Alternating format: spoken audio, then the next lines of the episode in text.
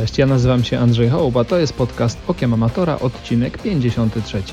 Dzisiaj moim gościem jest Roxana Supek, czyli nasza zawodniczka pro z ambicjami, no i pewnie też możliwościami na start na Igrzyskach Olimpijskich w 2024 roku.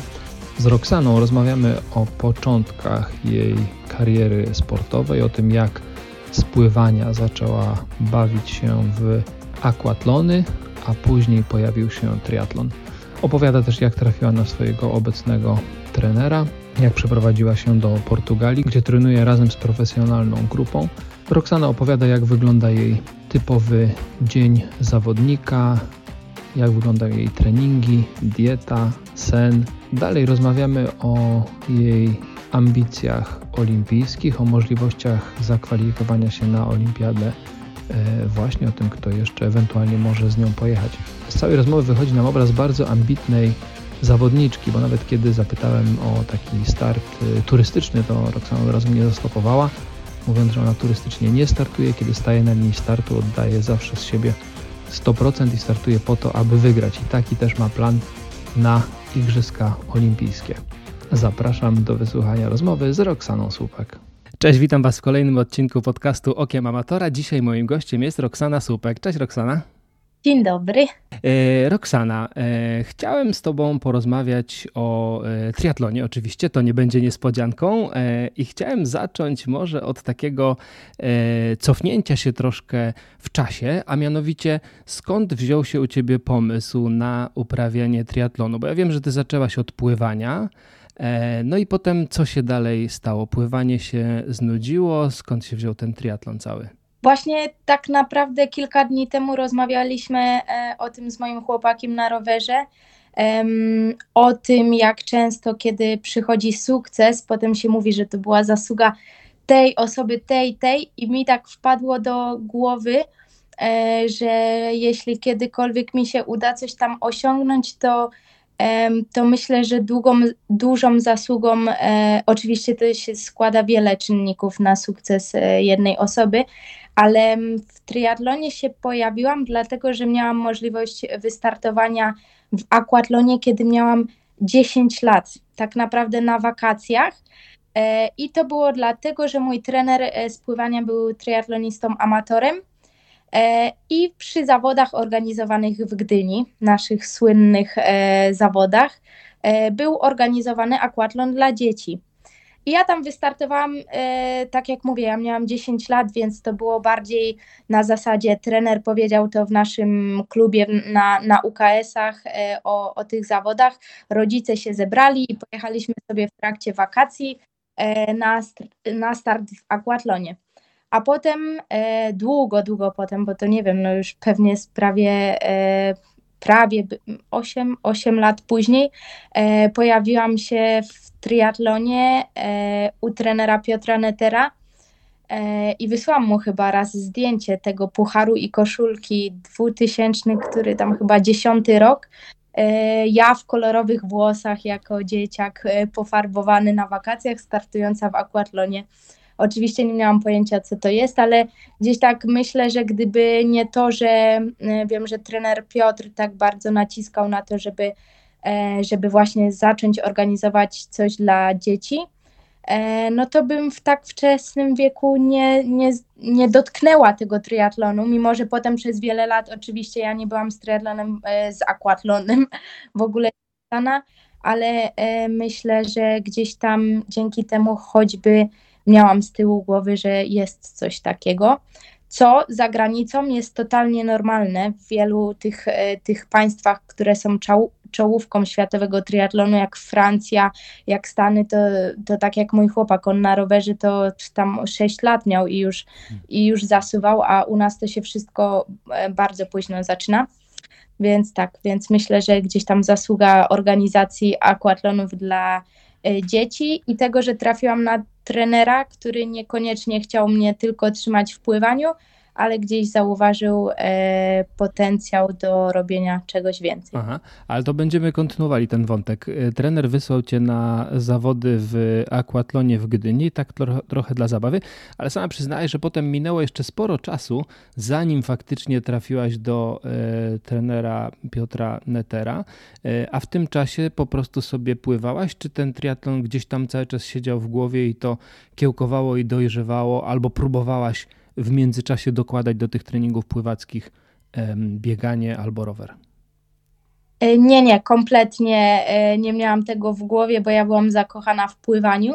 I to też nie od początku, bo pierwsza klasa szkoły podstawowej, kiedy chodziłam na zajęcia z pływania, to tak raczej zimno mi było w tej wodzie i, i nie za bardzo mnie do tego ciągnęło, ale pod koniec roku, kiedy tak naprawdę właśnie trener e, chyba powiedział moim rodzicom, że powinnam zacząć chodzić systematycznie na, na zajęcia i gdzieś tam pokazał e, teraz z perspektywy czasu, tak myślę, że e, mi zależało od zawsze chyba, żeby nikogo nie zawieść, więc jak on powiedział, że mu zależy, żebym ja chodziła, no to ja musiałam to zrobić. I gdzieś tam tak e, mój trener, ten pierwszy był zawsze takim marzycielem, trochę psychologiem i wydaje mi się, że wszystko e, co robił, w jaki sposób prowadził treningi i rozmawiał z takimi maluchami. Teraz to wspominam, że rozmawiał z nami często tak, jakbyśmy byli e, dużo starsi niż byliśmy, to to zaowocowało we mnie e, takiego, tak, taki stworzył we mnie duch sportowca i ja zaczęłam to kochać, a to było pływanie, więc kochałam pływanie, byłam w to zaangażowana i wtedy o triatlonie e, nie myślałam, bo miałam takie solidne wartości, że nawet jak jestem mała, niska i mówicie mi, że nie mam szans w pływanie, to ja chcę pokazać, że będę w tym dobra. Coś takiego miałam i wtedy było, że nie, triatlon nie, triatlon nie, bo, bo pływanie najpierw. No ale jak trafiłaś wtedy do, w takim razie do e, Piotra Netera? E, potem to się tak e, toczyło, że mm, e, jednego dnia mój trener powiedział, że to już było w końcówka gimnazjum chyba, albo druga klasa gimnazjum, tak gdzieś w połowie, że tak czeka i czeka, aż ja stanę w miejscu w pływaniu, żeby wtedy pójść w ten triatlon ale że ja nie staję w miejscu, a ja wtedy byłam oczywiście taka dumna, haha, że nadal jest gdzieś tam ten, ta poprawa, więc jeszcze, jeszcze nie kombinujemy e, z niczym innym, ale znowu pojawiły się e, akwatlony, te pościgowe, których pewnie pomysłodawcą też był trener Piotr Netter, e, więc można było to zrobić też zimą, czy gdzieś tam jesienią, wiosną i wystartowałam w takich zawodach. A powiedz, co to jest akwatlon pościgowy? Pływanie jest na basenie, a potem bieganie na dworze z odpowiednią e, stratą że to, co się wypracowało w, na basenie, w, takiej, w takich odstępach potem rusza się e, do startu w części. Taki zimowy, ale, e, ale zawsze coś. Jednak dwie dyscypliny zostają. Mhm. E, nawet chyba lepiej dla biegaczy, bo przynajmniej mają czas zregenerować się po tym pływaniu. No więc tak, wystartowałam tam po raz drugi w moim życiu w aquatlonie chwilka, czy może jeszcze coś, może jeszcze pomiędzy gdzieś tam był jeden aquatlon, ale e, no ale mówię, to nie było re, niczym regularnym, wszystko w ramach e, zabawy. E, I po jednym z takich aquatlonów trenerzy z triatlonu zaczęli odzywać się do mojego trenera, który ze mną tam przyjechał, do trenera Daniela Grzyba, który też zaczął lubić jazdę na rowerze, takie, no u nas w Bydgoszczy są dwie duże imprezy triatlonowe, więc gdzieś e, ludzie zaczęli o tym słyszeć i, i interesować się, więc tak, tak to się e, zaczynało. Mhm. Gdzieś tam startowałam, trenerzy zaczęli się odzywać, no to spróbuj, pierwszy obóz mój to było chyba pięć dni w suszu, tak tylko żebym po prostu dostała rower i zobaczyła jak to wygląda, pamiętam jak dziś, że e, ja wsiadając na taki rower, pierwszy raz widziałam taki dobry rower, no to od razu e, złapałam dolny chwyt, bo to tak jakoś mi się wydawało, że to tak trzeba. I trener Piotr do mnie krzyczał, ale złap u góry, złap u góry, a ja nie wiedziałam kompletnie o co chodzi. No, na, potem na pierwszym zgrupowaniu zagranicznym na przykład e, nie wiedziałam, jak się zmienia przerzutki z przodu. Powiedziała do mnie, Roxy, wiesz, tutaj w Hiszpanii to na pewno tak na małej tarczy to, to nie pojedziesz wszystkich trybów. A ja się zapytałam, ale jak, jak, jak ja mam to zmienić?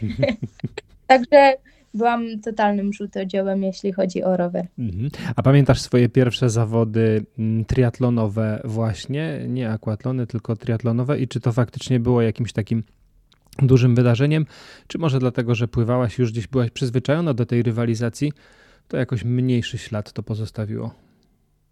E, pamiętam, to były zawody w kurniku, e, dystans jedna ósma, albo chyba tak, jedna ósma i tam była kategoria E, jak to się, a, debiutantów mhm. i wystartowałam jako drużyna Tree Space e, z Bydgoszczy, więc ja wystartowałam, nie wiem czy to tak można powiedzieć jako age group, no ale no, nie startowałam jako profesjonalna zawodniczka, tam był rolling start, więc też ta, ta bitwa taka w wodzie, wszystko to wyglądało zupełnie inaczej niż w profesjonalnym wyścigu.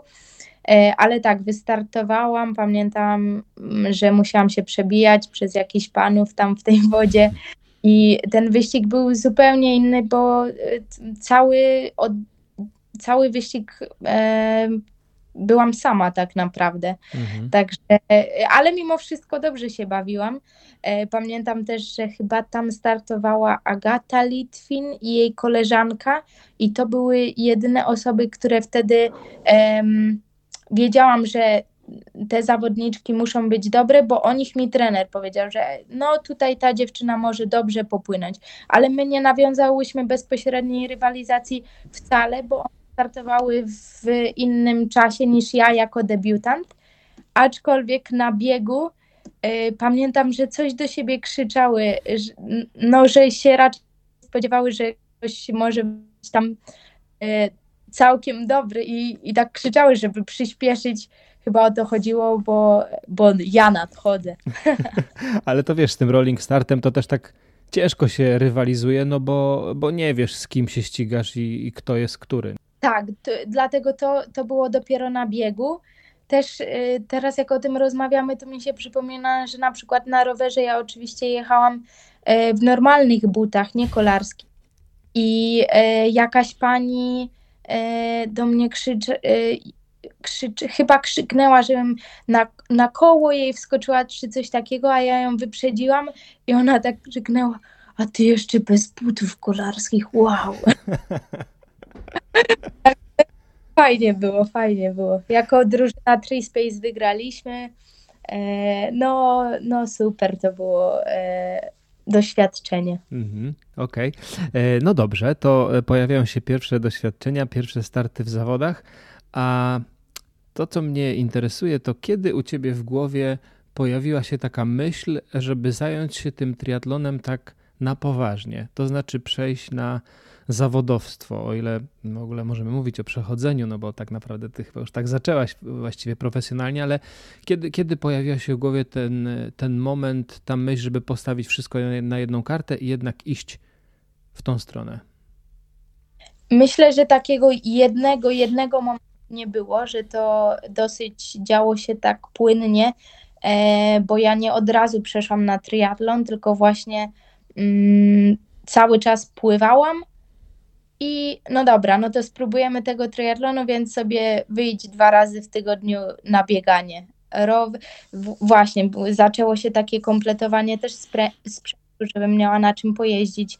Y, gdzieś tam no, nie wyjeżdżałam wtedy za granicę, więc na przykład zima, więc ten trenażer, y, no wszystko tak się bardzo raczej może nie powiedziałabym, że bardzo powoli, bo ogólnie to wszystko szybko się działo, ale, ale to nie było tak, że z dnia na dzień z pływaczki jestem triatlonistką, tylko jednak cały czas chodziłam nadal do szkoły sportowej o profilu pływackim i starałam się przemycać coś z triatlonu, e, co też było takie, e, nie wiem, nie wiem nawet czy do końca legalne, bo ja czasami wtedy zamiast popołudniowego treningu pływackiego w wodzie e, chciałam iść pobiegać, no i wiadomo, nie byłam pod opieką trenera, nauczyciela, to była godzina lekcyjna, więc gdzieś tam też miałam e, duże zaufanie e, ze względu, e, ze strony trenerów i, i szkoły, że pozwalali mi mhm. jedynie takiego robić. Ale odpowiadając na pytanie jeszcze tak dokładnie, to na przykład pamiętam kilka takich momentów, jak pierwszy start międzynarodowy i to był aquatlon w Bratysławie. Dostałam strój kadrowy i to było takie wow, ja byłam taka, pamiętam, że robiłam zdjęcie w jakiejś naprawdę brzydkiej przebieralni w, w Bratysławie i wysyłam do tego mojego pierwszego trenera, bo ja byłam taka dumna, że ja mam strój kadry narodowej. To było, to było coś niesamowitego, bo gdzieś tam e, przez tyle lat pływania jeśli miałam koszulkę kadrową, to dostałam ją od mojej przyjaciółki, która była w kadrze pływackiej i jeździła na międzynarodowe zawody, a ja nie. No i oczywiście tej koszulki jej nie nosiłam tak y, na zawodach czy gdziekolwiek, no bo wiedziałam, że to jedno jest moja. Ten moment gdzieś tam w Bratysławie ze strojem kadry narodowej był, był dla mnie super i potem bardzo szybko ze względu na poziom triatlonu w Polsce dostawałam zaproszenia na obozy, na zawody Mistrzostwa Europy, potem Mistrzostwa Świata, nawet bez żadnej kwalifikacji praktycznie. E, no i to było chyba coś takiego, że no to trzeba iść w tę stronę mhm. i tam bardzo dużo osób e, widziało we mnie potencjał, więc chciałam to sprawdzić. A, a powiedz, a, nie bałaś się troszkę y, takiego postawienia wszystkiego właśnie na tą jedną kartę? Bo wiesz, takie mm, życie zawodowego sportowca pewnie łatwe nie jest. Może się przytrafić w każdej chwili jakaś kontuzja. E, na przykład przed jakimiś ważnymi zawodami, oczywiście tfu, tfu nie życzymy tego nikomu, e, no ale jednak ryzyko jest takie dosyć spore. E, raczej się nie bałam, bo ja, moim życiem był sport, odkąd byłam mała. Ja zawsze byłam bardzo zaangażowana, więc jeśli trenowałam pływanie, no to robiłam to na 100%. I właśnie wybierając liceum, klasa sportowa, Potem, e, kiedy pojawił się ten triatlon, to po prostu wiedziałam, że chcę to robić, ale z drugiej strony to nie było coś takiego, że ja trenuję triatlon, więc nie pójdę na studia. Czy że, mhm. że nie myślałam totalnie o tej e, drugiej pozasportowej e, stronie, bo myślałam, dlatego wiedziałam, że ja pójdę na studia. Miałam gdzieś tam e, małe takie plany, które się kształtowały, ale zdecydowanie bardziej to postawienie wszystko na jedną kartę to nie była zmiana, e, zmiana dyscypliny czy powiedzenie, że tak chcę trenować, bo to jakby nigdy o tym nie myślałam, to się stało naturalnie i jakby dla mnie było oczywiste, że ja, ja jestem sportowcem. Ale bałam się i postawiłam wszystko na kartę, kiedy na jedną kartę, kiedy zdecydowałam się wyjechać e, z kraju i trenować E, z obcymi dla mnie mhm. ludźmi zupełnie inaczej niż, niż ktokolwiek wtedy w Polsce, bo ja nie znałam osoby, z którą mogę porozmawiać o tym, czy która tego doświadczyła. Przepraszam, w tamtym momencie gdzieś tam e, Kacper Stępniak wyjechał, ale tylko na rok i też dla niego to było nowe, więc, e, więc tak, no nie miałam kogoś, kogo bym mogła tak naśladować. Mhm. Po prostu wskoczyłam w takie bardzo nieznane dla mnie w tamtym momencie. Nawet poradzić się, nie? Ale to y, idziemy dalej. To y, opowiedz o tym wyjeździe. Co, skąd taka decyzja się wzięła i gdzie to było? Podejrzewam, że mówimy o Portugalii, ale, ale powiedz. Decyzja, y, znowu kilka rzeczy się pewnie na nią składało, ale gdzieś, gdzieś przy współpracy z moim trenerem, wtedy z trenerem Piotrem zaczęliśmy mieć małe takie problemy komunikacyjne i ja przez pewien moment przestałam się cieszyć treningiem. Troszkę byłam taka, mm, no, no nie do końca mi się podobało, może nie byłam jeszcze w tym czasie gotowa na, na to wszystko, co się działo, bo ja z trenowania w grupie e, przez całe moje życie nagle zostałam sama, nie miałam, nie miałam e, koleżanek tam, kolegów, znaczy byli, ale też wiadomo, to był te, taki okres w naszym życiu, że każdy ma swoje studia, każdy ma zajęcia i ostatecznie widzieliśmy się rano na basenie i to też nie zawsze, więc ja się wtedy wyprowadziłam też, e, też z domu. W mieszkaniu byłam całkiem sama. E, wszystko, wszystko było dla mnie takie nowe i poczułam się samotna i tak e, przestałam się cieszyć treningami, a, e, a to jest chyba najgorsze, co może być. Mhm. I gdzieś wtedy, e, wtedy też pojawiało się, jak to nawet trener mnie uprzedzał kilka, e, może nie kilka lat wcześniej, ale chwilę wcześniej, że będę miała wokół siebie dużo doradców. I rzeczywiście tak było co zrobić, albo że ten trening jest zły, a tamten lepszy, a powinnam to i tamto i tam e, byłam chyba skołowana i to też są moje przemyślenia teraz, kiedy, kiedy o tym rozmawiamy. Wtedy pewnie nie do końca byłam ze wszystkich rzeczy świadoma, ale gdzieś, gdzie to było? Aha, chyba po jednych z zawodów rozmawiałam z trenerem Tomkiem Kowalskim i o grupach właśnie takich międzynarodowych on znał trenera Paulo, e, bo, bo gdzieś tam się poznali na obozie właśnie w Montegordo. I coś takiego powiedział, a co myślisz o, o przejściu do takiej grupy międzynarodowej? E, I ja powiedziałam, no gdzie ja taki rzutodziób triatlonowy, bo to były moje bardzo takie, no to były początki, do grupy, gdzie są y, zawodniczki, które już startowały na igrzyskach, czyli bardzo doświadczone. No, a trener, e, jak, nie pamiętam, nie chcę teraz przekręcić jakoś tej historii, ale chyba coś odpowiedział w stylu, bo, bo ja założyłam, że w ogóle nie ma szans, że gdzie ja pójdę do takiej grupy, że nikt mnie nie będzie chciał. I też drugą moją myślą było coś takiego, e, taka moja chyba m, mm, od zawsze troszkę niższa pewność siebie, że no ja nie mogę iść za granicę, gdzieś szukać trenera, jak dopiero zaczynam triatlon, no bo kim żeby takie rzeczy robić? Mhm. żeby, że co, że Polska mi nie wystarczy, a nagle jakoś tak miałam coś takiego w sobie. No a trener odpowiedział, że on już rozmawiał z trenerem i, i że myśli, że to jest możliwe. No i ja wtedy taki, taki ząg, więc to było mm, wow. I wtedy, wtedy zaczęłam myśleć na poważnie i wymieniłam kilka e, mailów e, z trenerem Paulo. Oczywiście wtedy mój angielski był bardzo, bardzo słaby. Chyba praktycznie wszystko robiłam na translatorze. I, e, I też nie chciałam na początku, żeby.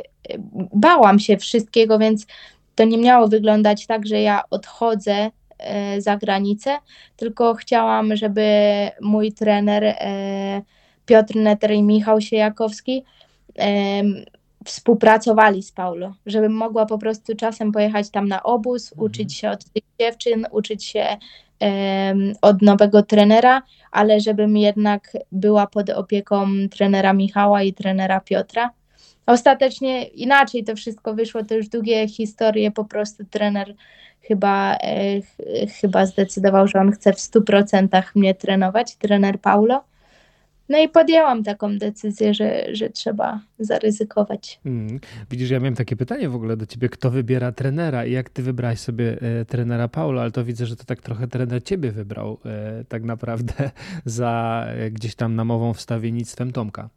E, do dzisiaj nigdy nie rozmawiałam e, z trenerem e, na, na ten temat, co się takiego stało, jak Tomek musiał błagać, cokolwiek że on wziął takiego żółtodzioba. E, ale tak, no na początku, tak jak mówię, było e, coś takiego, że to ma być taka praca 50 na 50, współpraca. A potem bez żadnego tłumaczenia trener powiedział, napisał mi maila, że on chce mnie trenować w 100%. No to tak zrobiłam. No, I to tak pewnie... Tak on mnie gdzieś tam wynalazł, tylko pewnie trener Tomek podrzucił zawodnika, przeanalizowali może jakieś, e, jakieś wyniki i pff, nie wiem, tak sobie zgaduję, że może sobie wziął za wyzwanie. No, zobaczmy, co się tam zrobi z takiego dzieciaka. Hmm, stwierdzi, że, że jest potencjał. E, no dobra, to teraz opowiedz mi e, w takim razie, jak wygląda taki typowy dzień zawodniczki pro, czyli typowy dzień Roxany, o ile w ogóle jest coś takiego jak typowy dzień. No bardzo nudno. I jest, jest nawet nie dzień, tylko, tylko tygodnie. Nawet struktura mojego treningu tak naprawdę bardzo dużo się nie zmienia. Załóżmy jeden blok treningowy trwa, no to może być różnie, ale 4-5 tygodni i tak naprawdę cały tydzień się powtarza, bo tak, tak jest najczęściej zimą, kiedy nie ma żadnych startów i po prostu ten trening nie musi się zmieniać, e, dopasowywać do podróży, bo jestem w jednym miejscu i dzień w dzień, e, tydzień w tydzień jest e, tak samo, więc mój dzień składa się z dwóch lub trzech treningów, e, posiłków pewnie z pięć, i, i tyle, i odpoczywaniem pomiędzy. Teraz gdzieś tam jestem w takim okresie, gdzie jeszcze jakieś prace na studia sobie piszę, ale y, jest ciężko. Mhm. Zmęczona. Ale, ale jak mówisz y, dwóch, trzech treningów dziennie, to znaczy o której rozpoczynasz y, pierwszy trening? E, tutaj jak jest, obecnie jestem w Hiszpanii e, bez jeszcze mojej grupy treningowej, więc e, mogę to tak troszkę do siebie dopasować i zaczynam pływaniem o dziewiątej, więc hmm. bardzo, bardzo po hiszpańsku, ale, ale normalnie zaczynamy o ósmej, tak żeby gdzieś tam był ten czas na, na regenerację, która w sporcie wyczynowym jest niesamowicie ważna, więc nie zaczynamy treningiem o szóstej załóżmy, tylko, tylko o ósmej. E, pierwszym treningiem najczęściej jest pływanie. E, tak najbardziej lubię, więc mi to odpowiada, aczkolwiek gdzieś tam czasem, jak się zdarzy pierwsze bieganie, tego nie lubię. No ale zazwyczaj jest to pływanie, więc przed pływaniem jest pierwsze śniadanie, potem jest pływanko, drugie śniadanie, rower i na końcu bieg lub, e, lub mówię, to są dwa lub trzy treningi dziennie, więc nie zawsze to jest mhm. takiej kolejności ale, ale gdzieś tam to tak wygląda. A, a pomiędzy treningami i posiłkami jest ta regeneracja, e, ale to, to, co wtedy się robi? Co robi wtedy taki zawodnik w tym czasie regeneracji? Leżysz i patrzysz w sufit? Właśnie wszyscy, e, wszyscy chyba doszukują się tych nowinek technologicznych, e, jakichś pomocy w regeneracji, ale to rzeczywiście jest po prostu leżenie, czytanie książki, wrzucenie posta na Instagram. E, no takie mamy czasy, że gdzieś tam to też trzeba zrobić, no to to jest właśnie taki czas. E, więc tak, nic, nic niesamowitego tu się nie dzieje. Zazwyczaj e, zakupy, takie rzeczy do domu, porządki w domu to robię raczej dni takie jak poniedziałek albo czwartek, gdzie to są dni e, z luźnymi treningami, e, bo w tych, gdzie są ciężkie treningi i trzy jednostki, to zazwyczaj nie ma ani sił, ani, ani czasu, bo naprawdę to jest tak, że między tymi treningami to ja nawet ja nawet bym nie chciała, nie wiem, iść na spacer z koleżanką, bo ja po prostu chcę poleżeć. Jak mm. już gdzieś e, nawet teraz treningi są luźne, dopiero się wprowadzamy, ale wiadomo, luźne na początku sezonu to tak naprawdę nie jest to takie luźne, jak się jest bez formy, ale to też między treningami nie lubię się z nikim, e, z nikim nigdzie umawiać, nawet teraz, kiedy mogłabym to zrobić, bo ja muszę odpocząć, muszę zrobić to, co mam i wtedy wieczorem właśnie najlepiej się ze mną spotkać na jedzenie. no, idealnie. E e ewentualnie możemy nagrać sobie na przykład odcinek podcastu między treningami. To, to jest możliwe. O, na, tak, to jest możliwe, ale to też tak jak się umawialiśmy na podcast, miałam dwa dni do wyboru i też oczywiście pod treningi to tak dopasowałam, bo y, mamy zimę, więc zachód słońca gdzieś tam jest hmm. wcześniej, więc godzinowo, żeby to wszystko e, grało, no to widzisz, jestem tu w mokrych włosach, bo ja skończyłam pływanie i miałam do naszego e, podcastu 30 minut. To Na do, szczęście bardzo e, szybciej. To dokładnie tak samo jak ja. Tak y, ci no. zdradzę, zakret. Tylko moje, moje włosy są krótsze, więc szybciej są.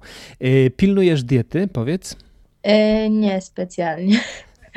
nie, nie mam, jeśli myślę, że to pytanie zakłada, czy pracuję z jakimś dietetykiem i nie wiem, odmierzam sobie ile czego zjeść. E, tak nie jest, ale e, gdzieś tam, kiedy miałam kontuzję, konsultowałam się z dietetykiem, bo, bo bałam się, że po prostu czegoś nie, nie dopilnowuję, może czegoś za mało jem teraz kiedyś, kiedy było roztrenowanie, robiłam dużo badań krwi, gęstości kości, e, konsultowałam z lekarzami właśnie, czy może suplementacja wapniem, czymkolwiek, e, co mogę poprawić w swojej diecie. I gdzieś tam jakieś małe zalecenia e, dostałam, ale właśnie nic, nic nie pokazało, żeby, żeby coś było gdzieś tam, żeby coś nie grało u mnie. A jeśli chodzi o konsultację z dietetykiem, to ja po prostu wiem, że ja przy tej ilości e, treningów nie jestem w stanie tak gotować przepis do przepisu, nawet robić takich zakupów, bo ja po prostu robię zakupy raz w tygodniu, e, wielkie, siłownia przy okazji, bo te, te siaty jak się wtedy niesie, to jest naprawdę hardcore.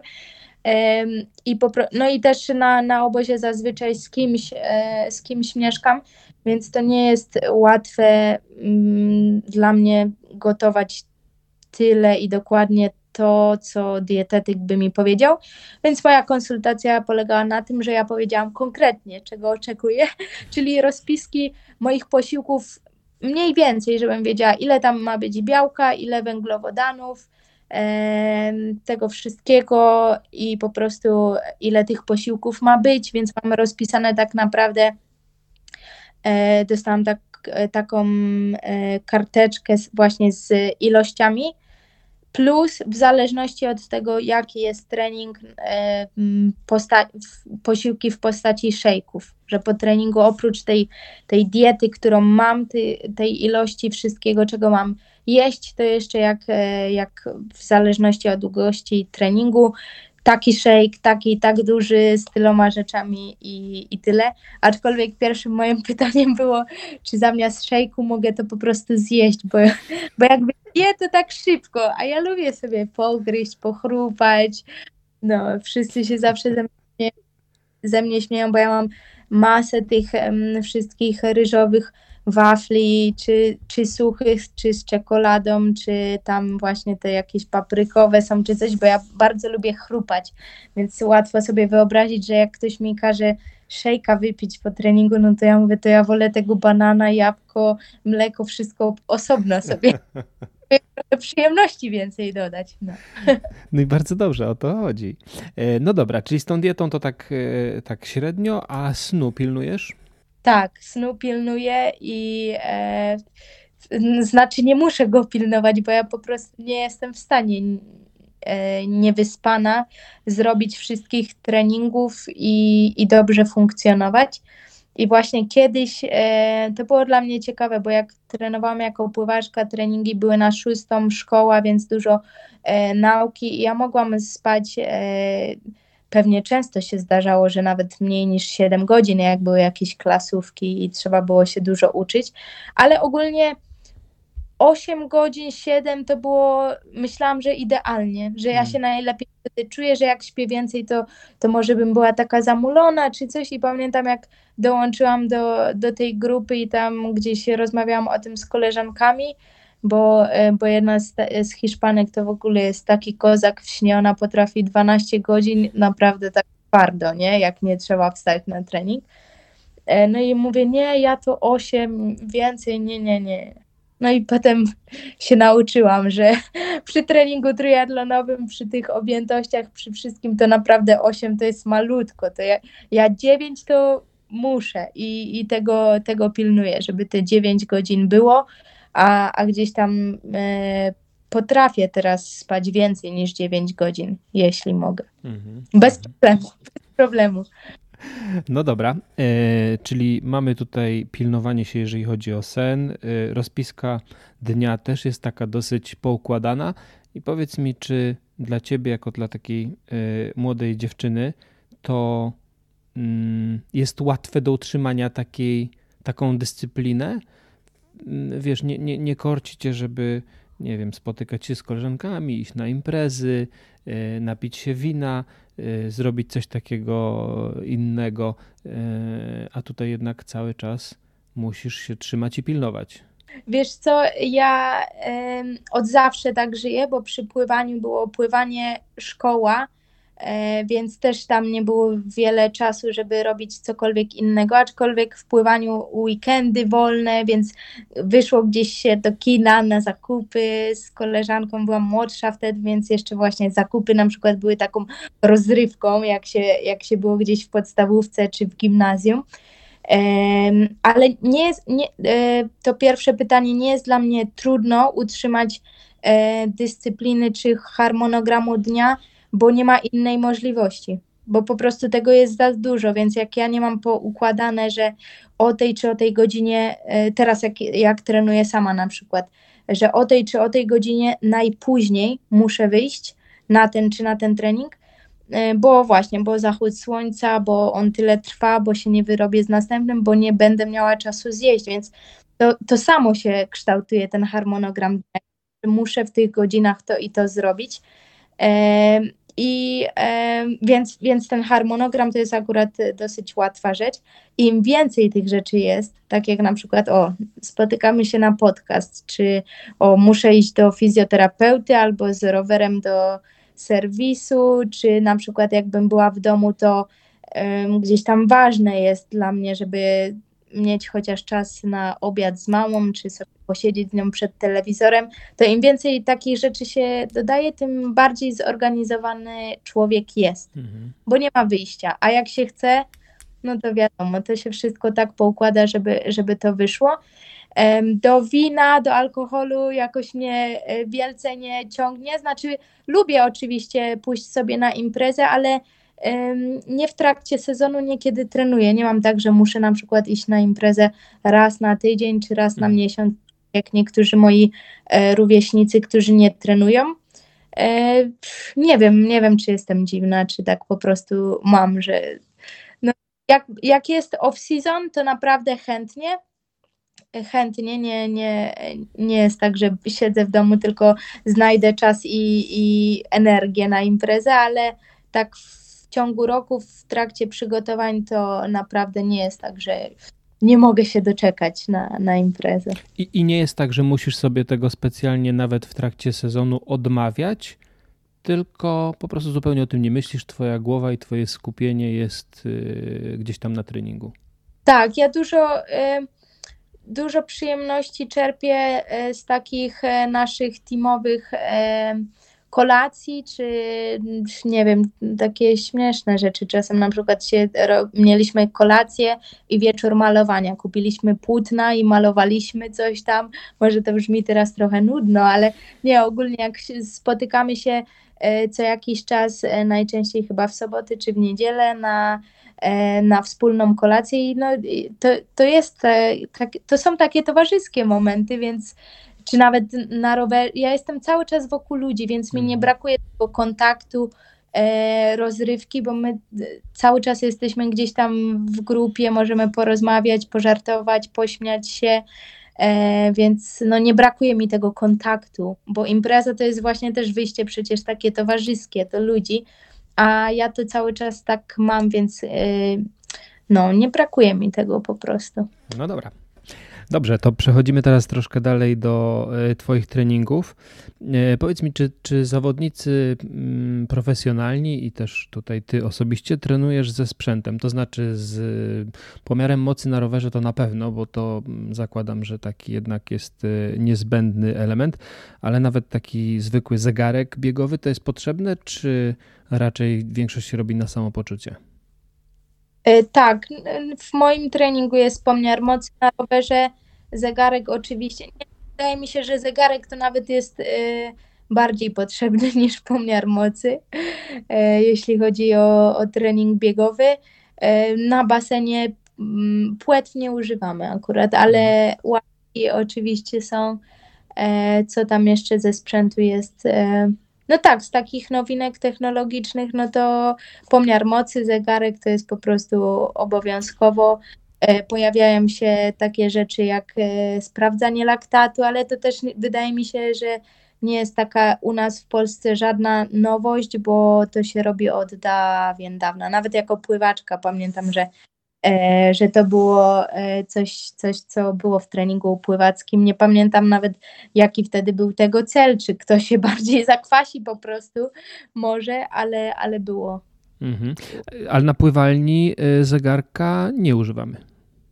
Nie, nie. Pamiętam, że ja kiedy dołączyłam do mojej grupy, miałam e, zegarek na basenie, e, bo, bo gdzieś z poprzednimi trenerami też tak e, chcieli, żebym miała ten zegarek, żeby to wszystko, chyba te wszystkie dane tam były w tym polarze, czy, czy co to tam wtedy miałam. I pamiętam, więc z przyzwyczajenia po prostu nie ściągałam tego zegarka, a, a trener Paulo do mnie mówi, ściągnij ten zegarek, tylko amatorzy pływają z zegarkiem. No tak, no tak. Niestety te, te, też to słyszałem, ale to prawda, amatorzy pływają z zegarkami, tak jest. Tak, ale y, żeby teraz y, ktokolwiek nas słucha, żeby nie odebrał tego, że to jest coś złego, ja rozumiem, dlaczego amator pływa z tym zegarkiem i nawet uważam, że to jest słuszne, e, ale rzeczywiście gdzieś, kiedy jest trening w grupie z trenerem e, na basenie, to z zegarem, ze stoperem, który my widzimy, to ten e, zegarek dla nas naprawdę nie jest potrzebny, a dla amatorów uważam, że jest, no bo to jest e, rodzaj po prostu kontroli treningu i, i jak macie to zrobić bez mm. zegarka i trenera, który wam, was tam puszcza co, co ileś sekund, więc to jest jak najbardziej adekwatne. Bardzo dobrze, tego się trzymamy. E, dobra, a teraz powiedz mi na zawodach, czy jak startujesz, to jedziesz z pomiarem mocy i zwracasz na to uwagę i biegniesz z zegarkiem, czy na zawodach to jest po prostu all out i walka o pozycję? Na zawodach nie ma nic. znaczy zegar, szybko, licznik e, na rowerze jest, ale to bardziej może, nie wiem, na dystansie olimpijskim, kiedy mamy na przykład 8 pętli, że, żebym sobie spojrzała, ile już kilometrów mhm. jest przejechanych.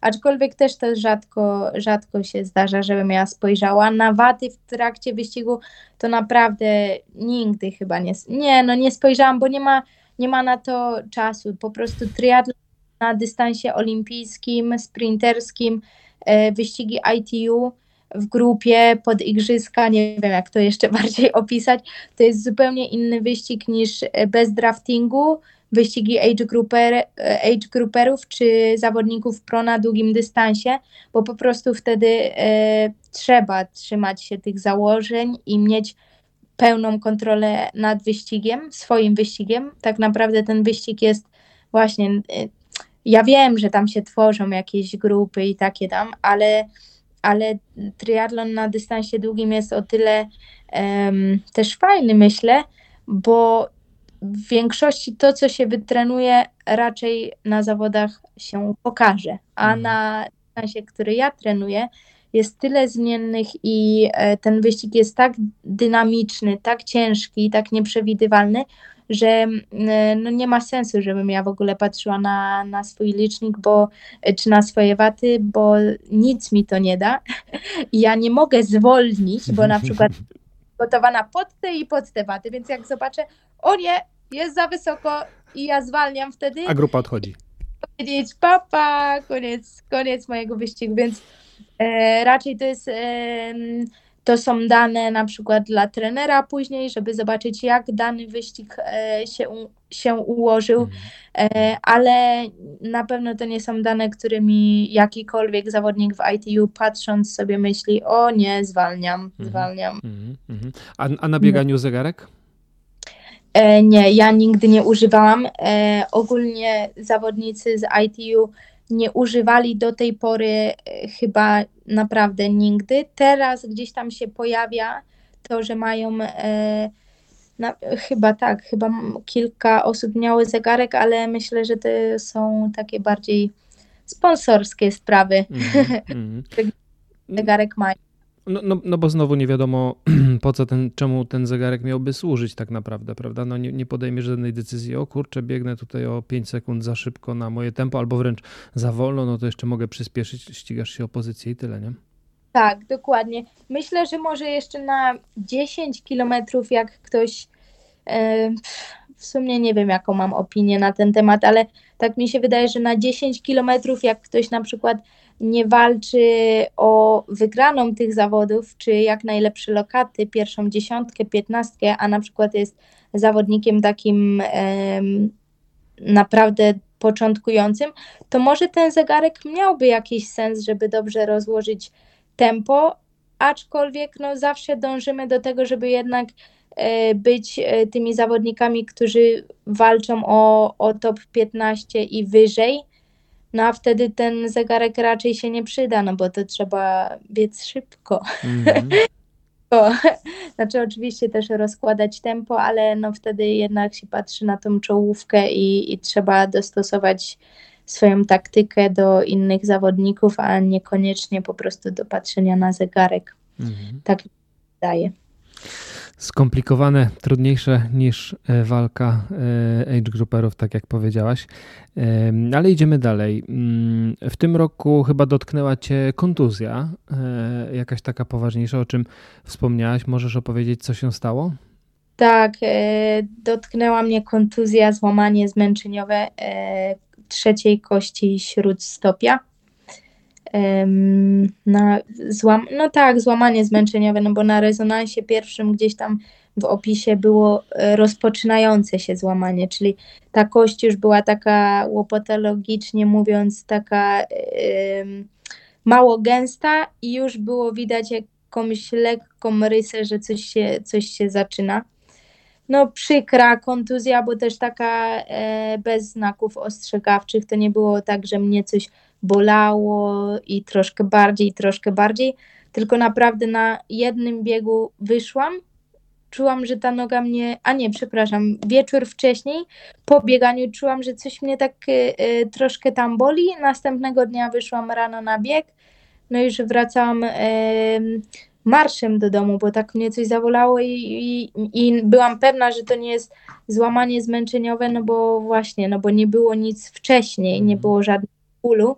Więc mówię, na bank stanęłam na jakiś kamień, coś się tam naciągnęło, nie wiem, coś tam, jakiś nerw się e, uszkodził i, i że będzie wszystko w porządku, aczkolwiek potem dostawałam dużo e, wiadomości, takich feedbacków od innych zawodników. Okazało się, czego nie wiedziałam, że to jest bardzo popularne złamanie zmęczeniowe, że te kości tam są takie malutkie, drobniutkie, i że właśnie w, praktycznie każdy mi powiedział, że też nie miał znaku ostrzegawczego, że po prostu kwestia jednego, dwóch treningów i, i się okazywało, że złamanie zmęczeniowe. Ale dlaczego tak się stało? Czy to jest kwestia objętości, intensywności czy predyspozycji? E, chciałabym wiedzieć, dlaczego e, tak się stało, Myśl, chociaż poniekąd myślę, że wiem, ale tak, odpowiadając na pytanie, z każdym e, lekarzem czy fizjoterapeutą, z którym e, rozmawiałam, a, a było tego troszkę, dlatego że to się działo wszystko na 10 dni, 12 e, dni przed Mistrzostwami Europy i ja chciałam wiedzieć wszystko, co jest możliwe, jak najszybciej się da, więc kto mi tylko odpowie, jeszcze w urlopy wtedy były na masakra. I każdy z nich mówił, e, słuchając tego, w jaki sposób e, biegam, mówił, że mój trening jak najbardziej nie jest ryzykowny.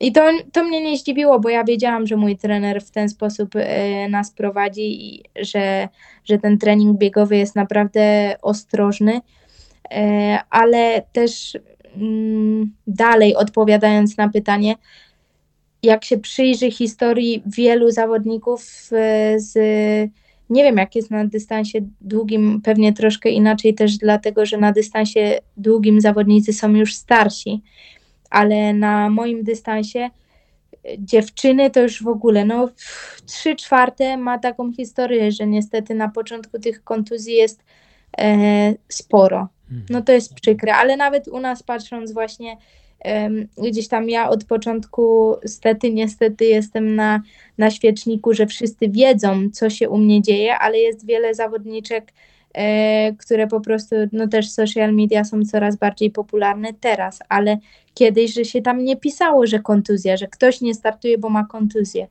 Ale na przykład moja, e, moja dobra koleżanka kadrowa, e, która teraz bardzo fajnie startuje, Paulina Klimas, ona też jednego roku zrobiła duży progres i, i wszyscy tak pytali, co ona zmieniła, że mhm. tak na no, z wyników tak naprawdę porównując do tych, które teraz ma, no to z wyników bardzo średnich nagle super. I, i jej odpowiedź była, że pierwszy rok bez kontuzji, cały. No to, no to mhm. coś mówi, że właśnie czasami brakuje, brakuje tego zdrowia po prostu, a to wynika i z wieku, i z obciążeń, mm, i z naszej przeszłości, bo tak jak mówię, w Polsce nikt nie zaczyna triatlonu od, y, od y, dziecka, tylko dopiero później. Więc większość przechodzi z pływania, co też niesie za sobą e, wiele takich e, niefajnych rzeczy, jak właśnie to, że nasze kości, mhm. ścięgna, stawy, wszystko nie jest przystosowane, a wręcz upośledzone, bo, bo pływamy przez parę lat nie robiąc nic innego. I, i tak, to, tak to się odbywa też właśnie gdzieś wiek, e, hormony, to wszystko, co, co u kobiet, e, u mężczyzn działa troszkę inaczej. U kobiet w sportach wytrzymałościowych daje bardzo, e, bardzo dużo takich znaków, objawów jak kontuzje, czy na przykład właśnie spadki, wzrosty e, formy w tych, w tych latach, kiedy te hormony nie są jeszcze tak unormowane no to to ma bardzo duży impact, że tak powiem, na, na e, kontuzję, wyniki, formę, wagę. Właśnie to jest też um, gdzieś tam jeden z głównych czynników tych złamań kontuzji, kiedy, e, kiedy ta waga jest zbyt niska. A często jest, tak jak mi powiedział ostatnio fizjoterapeuta z Australii, że trzy czwarte zawodników praktycznie jest niedożywionych przez to, ile trenujemy, E, i często jest ciężko tyle zjeść, żeby, mhm. żeby to naprawdę dobrze działało. No i od wielu lat jest ten problem w triatlonie, e, że, że dziewczyny chcą się odchudzać. Więc no, z tego się biorą też kontuzje i tak jak powiedział, to jest um, intencjonalne lub nie. Niektórzy specjalnie nie, jedą, nie jedzą, a, a niektórzy niespecjalnie i te kontuzje się pojawiają. Mhm. Na szczęście coraz więcej o tym mówię i myślę, że zawodnicy są coraz bardziej świadomi, że, że to nie jest tak, jak myślą, że im się jest chudszym, tym, tym lepiej wystartuje. Zwłaszcza na dystansie. A, a, idąc dalej do, e, do tej twojej mm, kontuzji, to jak długą przerwę miałaś od treningów? Uff, e, nie, wtedy pewnie na bieżąco jak to się działo, to pewnie liczyłam, albo może potem już chyba potem już przestałam liczyć, żeby się tak za bardzo nie, nie denerwować, ale e, dwa miesiące na pewno, bo, bo to wiem, że sześć tygodni to tak na 100% wtedy się m, potem dalej kieruje mhm. Bólem. Czy ten ból znikł totalnie przy chodzeniu, przy takich małych testach, w spięciu na palce i takie tam, i potem e, powoli się wraca, więc dwa miesiące e, na pewno, ale potem ten powrót to nie jest tak, że dwa miesiące i nagle bum, można trenować mhm. full gas, się przygotować, tylko potem zaczyna się od marszobiegów z naciskiem na marsz, więcej jest marszu niż biegu i powoli, powoli się to zmienia. No i u Ciebie chyba też y, niedługo po wyjściu z tej kontuzji takie całkiem udane, y, udany całkiem start w Japonii, jeżeli dobrze pamiętam. Tak, y, miałam po, po wyjściu z kontuzji miałam trzy starty, dwa Puchary Świata i Mistrzostwa mhm. Świata, co to brzmi w ogóle e, jakoś ekstremalnie. Nie wiem, do tej pory jak sobie o tym myślę, to, to wow, że, że udało mi się to zrobić. I tak, dwa pierwsze Puchary Świata wyszły bardzo fajnie. Ja się w ogóle nie spodziewałam, że, że uda mi się e, zbliżyć do takich wyników, zwłaszcza biegowo, bo w, kurczę, no nawet, nawet na rowerze nie czułam się e, mocna, bo ten e, trening kolarski też e, musiałam na początku odpuścić, a potem powoli wracać i, i gdzieś tam na początku było mi bardzo ciężko. Czułam, jakbym wszystko straciła, e, ale, ale było dosyć fajnie.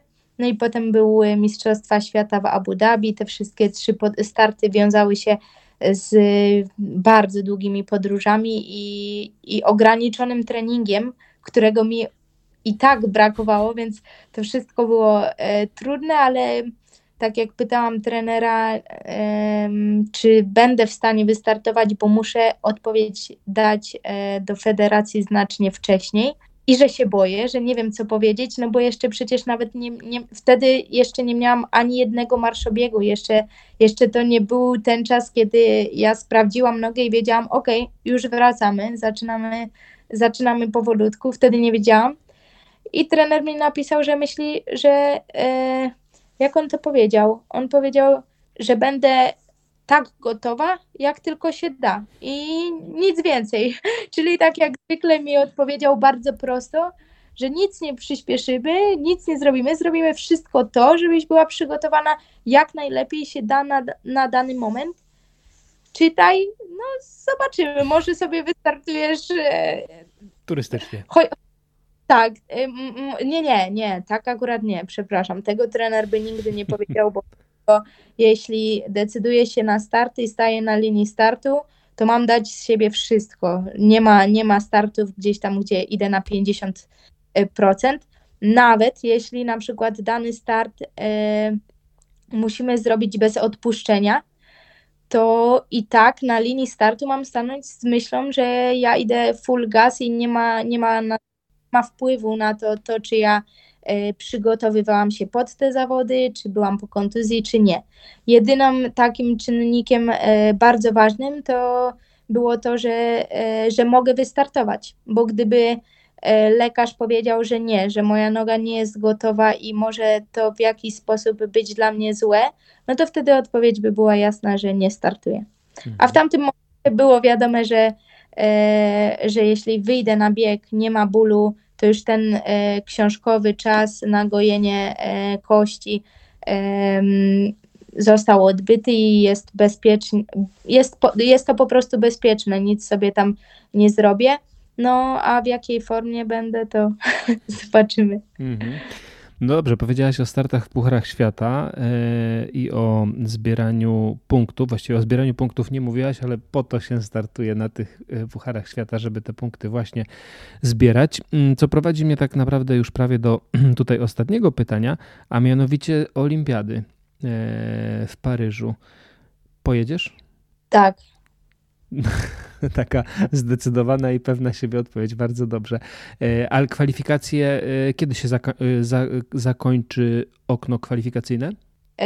Okno kwalifikacyjne zakończy się na koniec maja 2024 roku. Są, nasze kwalifikacje trwają dwa lata, mhm. więc to jest um, długo, bardzo długo. To są takie dwa okresy, e, kiedy można zbierać punkty. W pierwszym e, okresie 6 startów i w drugim 6, ale może to być taka kombinacja, że na przykład w pierwszym 4, a w drugim 8. Mhm. Albo właśnie porówno. Po prostu 12 e, najlepszych startów liczy się do rankingu. Troszkę mamy przed tymi igrzyskami utrudnioną sytuację, bo doszły sztafety, a nie zwiększyli ilości miejsc.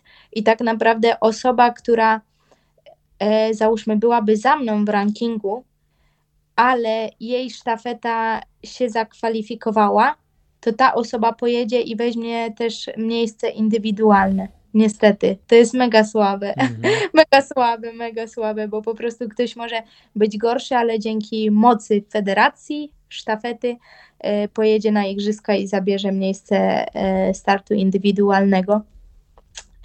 No i tak, odpowiedziałam tak pewnie, bo to jest gdzieś tam moje marzenie i wierzę w to, że to się uda, ale mm, oczywiście to nie była jakaś deklaracja, nie chcę, żeby ktoś potem się rozczarował. Moje tak oznacza, że robię wszystko, żeby, żeby to zrobić. A oprócz y, ciebie ktoś jeszcze pojedzie z kobiet? Liczę na to, że pojedziemy we dwie. Z Pauliną? Zobaczymy. Dobra. Y, wiadomo, że y, y, takie pytania są może nie trudne, tylko mało kto lubi o tym tak mówić hmm. głośno. No na chwilę największe szanse na igrzyska mam ja i Paulina, ale no to jest triatlon, to jest bardzo taki sport, gdzie na wiele rzeczy nie mamy wpływu, więc byłoby naprawdę super, gdybyśmy pojechały dwie, ale, ale no zobaczymy, jak to będzie. Mam nadzieję, że chociaż jedna dziewczyna wystartuje na igrzyskach, a dwie to będzie po prostu, będzie super. Wtedy powinniśmy być naprawdę dumni jako kraj. Aczkolwiek e, nawet cokolwiek by się nie wydarzyło, trzeba powiedzieć, że w Polsce triatlon nadal dopiero rozwija i, e, i te następne igrzyska też będą ważne i kolejne i kolejne, tylko im szybciej zaczniemy startować na igrzyskach, tym e, mam nadzieję i myślę, że ten triatlon jeszcze bardziej zacznie się rozwijać. Mm. Więc fajnie teraz. To, to jeszcze, jeszcze cię tylko na koniec y, troszkę y, spróbuję podpytać o facetów. Czy ktoś z facetów pojedzie? Ciężko. Nie wiem, nie wiem. Ja, yy, ja raczej tak jak dla siebie jestem, mimo że odpowiedziałam od razu zdecydowanie tak, a potem yy, rozwinęłam swoją myśl, ale yy, dla siebie jestem zawsze taka bardzo krytyczna i gdzieś tam tej wiary w siebie mi raczej zawsze troszkę brakuje, niż jest jej troszkę za dużo. Tak w stosunku do innych mam na odwrót, że bardzo wierzę, że komuś coś się uda. I, i gdzieś tam moje pozytywne myślenie wtedy jest y, na dużo wyższym poziomie niż w, w, stosunku do samej siebie, no to chciałabym powiedzieć, że wierzę, że, że tak, że któremuś z chłopaków się uda Aczkolwiek, no, jeśli jesteśmy realistami, to każdy z nich, e, każdy, kto gdzieś tam wie, jak kwalifikacje wyglądają, wie, że będzie o to bardzo, bardzo, bardzo ciężko. Ale to mhm. nie znaczy, że niemożliwe. No, mhm. zobaczymy. No i oczywiście tutaj też y, wiadomo, że trzymamy kciuki nie tylko, żebyś pojechała, czy żebyście pojechały we dwie, ale też, y, żeby tam powalczyć, prawda? No bo e, i, i zająć jakąś e, fajną pozycję może się gdzieś zakręcić wokół pierwszej dziesiątki, pierwszej piątki, e, a nie tylko pojechać. Ale zakładam, że taki właśnie jest plan, bo już sama mnie tak wcześniej e, zastopowałaś, że nigdy nie startujesz na pół gwizdka i jak jedziesz, no to jedziesz i startujesz po to, żeby wygrać, a, a, a jaki będzie wynik końcowy, no to się pewnie okaże. Tak, to jak najbardziej. Ja myślę, że kwalifikacja na igrzyska jest zdecydowanie trudniejsza niż sam start później. Myślę, że sam start nawet e, w triatlonie, co może być ciekawostką dla, dla osób, które nas słuchają, w triatlonie poziom na Igrzyskach Olimpijskich jest raczej niższy niż na Mistrzostwach Świata, a to się, e, to się wiąże z tym, że na Igrzyskach maksymalnie z jednego kraju mogą być trzy osoby. I to też są odpowiednie kryteria, żeby te trzy osoby były, a nie dwie lub jedna. E, co też nie jest takie łatwe, a na Mistrzostwach Świata, e, oj, żebym nie skłamała, chyba pięć. Hmm.